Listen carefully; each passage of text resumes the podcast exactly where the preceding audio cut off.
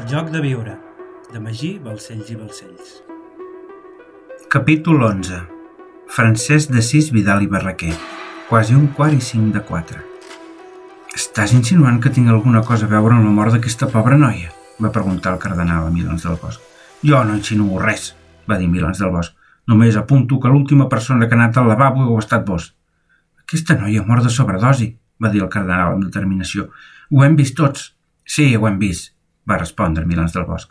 Però la senyoreta Isabel pregunta per les persones que han anat al lavabo, i vos heu estat l'últim d'anar-hi. No he tingut temps d'entrar al lavabo. Quan he entrat ell era mort a terra, va replicar el cardenal. Segur? va dir Milans del Bosc. Li heu pres el pols? Per l'amor de Déu, Joaquim, va dir Isabel Llorac. El cardenal l'ha trobat morta. Ha anat al bany i no ha tingut temps ni d'entrar i veure-la que ja ha vingut cap aquí a avisar-nos. No és la primera vegada que el cardenal visita aquest municipi, va dir Milans del Bosc. Viure forma municipi amb les piles i mentre vaig ser capità general de Catalunya els meus confidents em van informar que el cardenal havia viatjat a les piles per veure un trasllat de morts. Resulta curiós, no? Cada cop que el cardenal ve per aquí alguna cosa relacionada amb els morts. Era plenament conscient que m'espiaves mentre eres capità general, però no imaginava que la teva vilesa arribés fins a aquests límits, va replicar Vidal i Barraquer. El 1919 vaig ser en aquest municipi, sí, a les piles, i el que dius de la mort és totalment tendenciós. L'arcabisbat tenia un cementiri a les piles que feia 40 anys que no s'usava, i les autoritats del, del poble em van enviar una carta demanant-me que els hi cedís per poder construir a sobre el Centro Agrícola Català. Evidentment els hi vam cedir, però la condició era traslladar totes les restes mortals al nou cementiri i traslladar al Museu Diocesà de Tarragona les làpides funeràries que tinguessin interès històric, entre les quals hi havia una escultura i un cavaller jacent medieval amb l'emblema dels carals, si no recordo malament. Sí, va dir Antoni Maria Jové. Recordo el cavaller. El cementiri era just davant de Cal Jové de les Piles i recordo que jo de petit jugava sobre l'escultura del cavaller.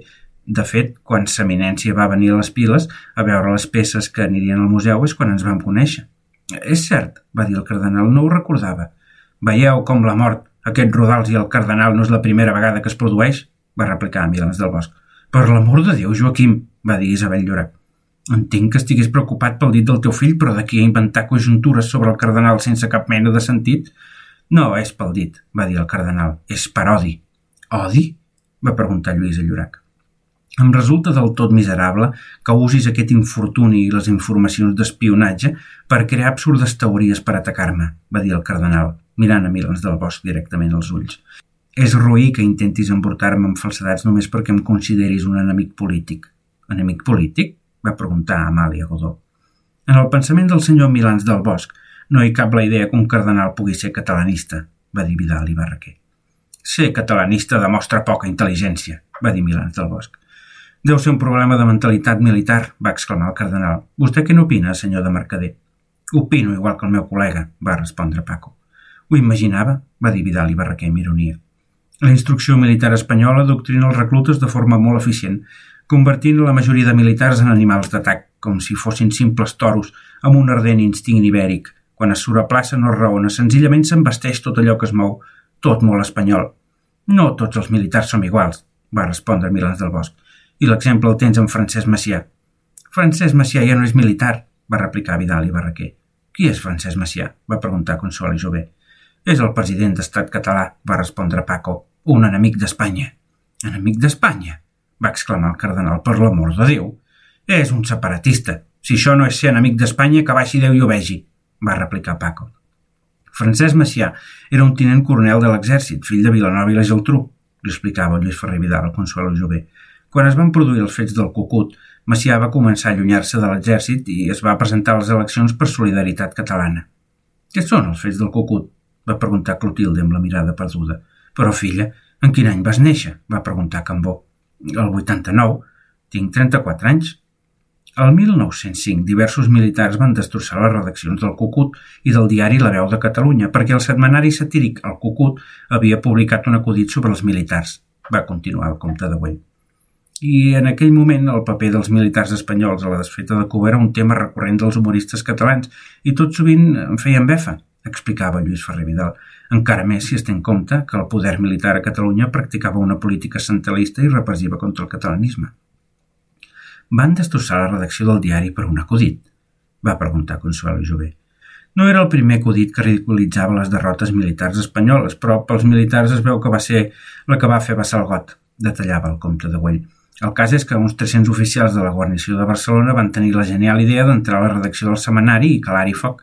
A Catalunya aquest fet va tenir molta importància i va provocar que tots els partits catalanistes creessin la coalició de la solidaritat catalana per anar junts a les eleccions – a Espanya el govern liberal va decidir llavors castigar els oficials que havien participat, però el rei Alfons XIII s'hi va oposar, amb la qual cosa va dimitar el govern sencer i el rei va nomenar un nou govern que va suspendre les garanties constitucionals a Barcelona i va aprovar una llei de jurisdiccions que facultava a l'exèrcit a jutjar tot allò que consideressin que atemptava contra la unitat de la pàtria o els militars.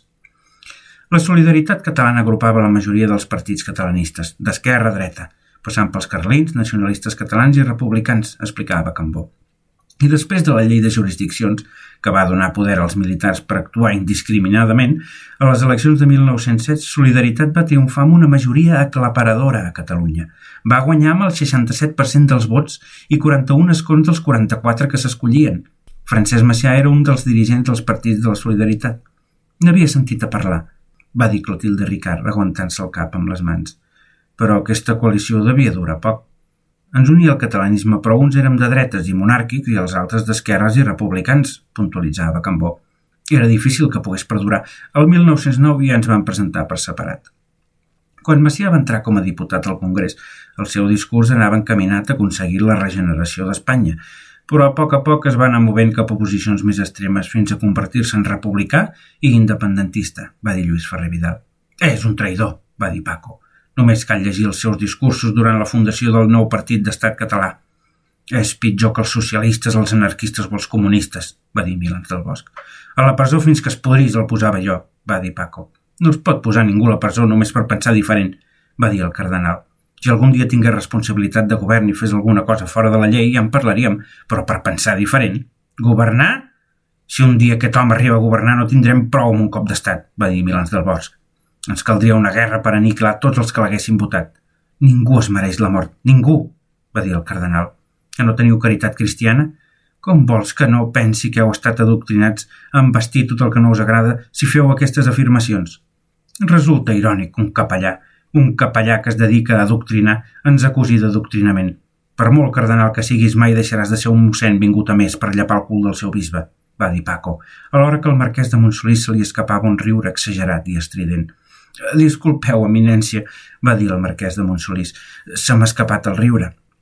Tranquil, l'alcohol ens comença a afectar tots, va respondre el cardenal. Però m'agradaria deixar clar que jo no he llapat el cul de ningú, va dir dolgut per les paraules de Francisco Javier de Mercader.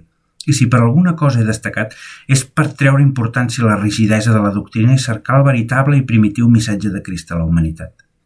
Francesc Vidal i Barraquer, de 55 anys, era un home alt i prim, de cara allargada, amb el cabell curt, prolongades entrades i ulleres rodones que li engrandien els ulls. El caracteritzava, sobretot, la seva pausada i serena forma de parlar, sempre acompanyada d'un somriure de proximitat i una humilitat extrema que en el tracte mostrava una gran capacitat d'empatia amb tothom i d'entendre molt bé quin tipus d'interlocutor tenia davant. Parlava poc, però tenia l'habilitat de fer parlar als altres, fent les preguntes precises per obtenir les respostes que desitjava. Havia arribat a viure quasi a dos quarts de dues amb el seu xofer, sobre un Perseus Delaware, el primer cotxe en propietat de l'arcabisbat de Tarragona.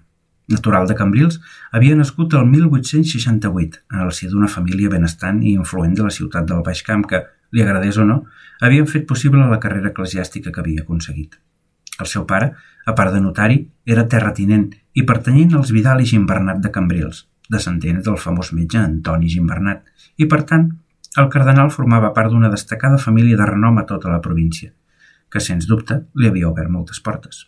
El seu torn, però, per part de mare, provenia de la prestigiosa família Barraquer i Rubiralta de Sant Feliu de Guíxols, una família vinculada amb el món militar des d'antic i també amb el món acadèmic i de la medicina. Malgrat que naixent en el si d'una família com la seva hauria pogut dedicar-se sense problemes a professions més ben pagades, Francesc havia estat des de ben petit una persona amb una ànima profundament preocupada per la injustícia social i implicada en la caritat i l'amor al pròxim. I aquest fet esdevindria determinant encara que la seva família l'intentés portar cap a un altre destí. Acabat el batxillerat, els seus pares el van enviar a Barcelona a estudiar dret i allà va fer amistat amb Enric Prat de la Riba i Francesc Moragas i Barret, que eren companys seus de classe, amb els quals compartia llargues converses sobre catalanisme. Quatre anys després, un cop llicenciat, va aconseguir entrar en un prestigiós bufet barceloní per exercir com a important advocat. Però així i tot, encara que va exercir durant un temps, no va poder aguantar més i va renunciar al futur que els seus pares havien previst per ell per iniciar els estudis sacerdotals al Seminari de Barcelona, atret per una viva vocació que sempre havia sentit. Més endavant, el 1907, provada ja la seva capacitat i amb certa experiència, va esdevenir canonge de Tarragona. Va prendre possessió de la dignitat de canònic arxiprest a la catedral d'aquesta ciutat el 1910 i finalment, el 1914, va ser nomenat administrador apostòlic del bisbat de Solsona, des d'on va fer una feina importantíssima de cara a la restauració del bisbat. En recompensa, per l'elecció dels bisbes catalans, el rei Alfons XIII el va nomenar senador per la província eclesiàstica tarraconense. Finalment, el 7 de maig de 1919, el papa Benet XV el va nomenar arcabisbe metropolità de la Tarraconense i primat de les Espanyes, una posició a través de la qual va transmetre al Suma Pontífex la necessitat de crear la Universitat Interdiocesana de Catalunya en resposta a la personalitat catalana i la creixent conscienciació nacional. Aquest fet va comportar que Vidal i Barraqués guanyés l'enemistat del sector més reaccionari de l'Església espanyola i dels sectors polítics més centralistes i autoritaris de l'Estat, més si es té en compte que Vidal i Barraquer va posar especial èmfasi en exercir la tasca predicadora i d'ensenyament de la doctrina en català. Va ser precisament per aquest fet que els espanyolistes més recalcitrants no van poder entendre que el papa li senyís la túnica púrpura el 1921 per convertir-lo en cardenal de Santa Sabina, un fet impensable des de l'òptica nacional catòlica espanyola. Cercar el veritable i primitiu missatge de Crist a la humanitat? Adoctrinar els parroquians amb mentides catalanistes és el que fas, va dir Paco. Jo no menteixo. Mai, va dir el cardenal amb determinació. El primitiu missatge de Crist a la humanitat va ser en català? Va preguntar-li Milans del Bosc, mofant-se. No, però tampoc va ser en castellà, va respondre el cardenal. L'important del missatge de crisi és el fons, no la forma. Però per entendre el fons cal fer-ho usant una forma que la gent entengui i que el sigui propera. I aquell llenguatge més proper és el català, us agradi o no. I el castellà? va preguntar Paco. El castellà és la llengua oficial, la de la burocràcia, va puntualitzar el cardenal. Però aquí la majoria de la gent, quan parla amb els seus amics, els seus fills o les seves mares i pares, ho fa en català. Aquí diem t'estimo, i com que Cris és amor, el missatge de Jesús a Catalunya ha de ser en l'idioma que els catalans fan servir per dir-se que s'estimen, i aquest no és altre que el català. D'igual manera que el missatge a la resta d'Espanya ha de ser en castellà, a França en francès i a Portugal en portuguès.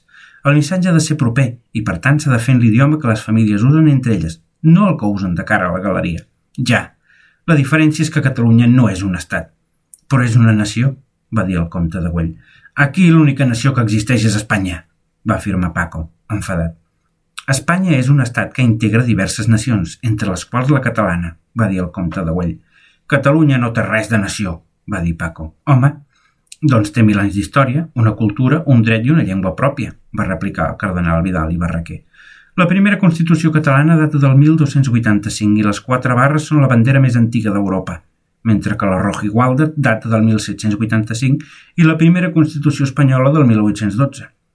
Espanya és la nació més antiga d'Europa, va dir Milans del Bosc amb autoritat.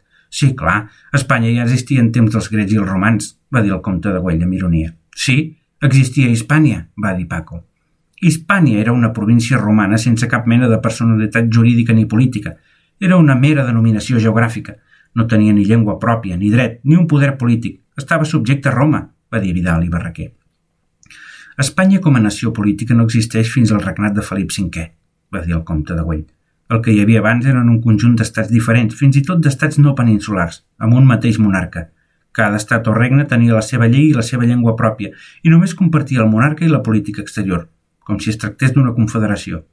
El comte de Güell té raó, va dir Vidal i Barraquer. La història, la llengua, el dret i l'art és el que configura l'existència d'una nació.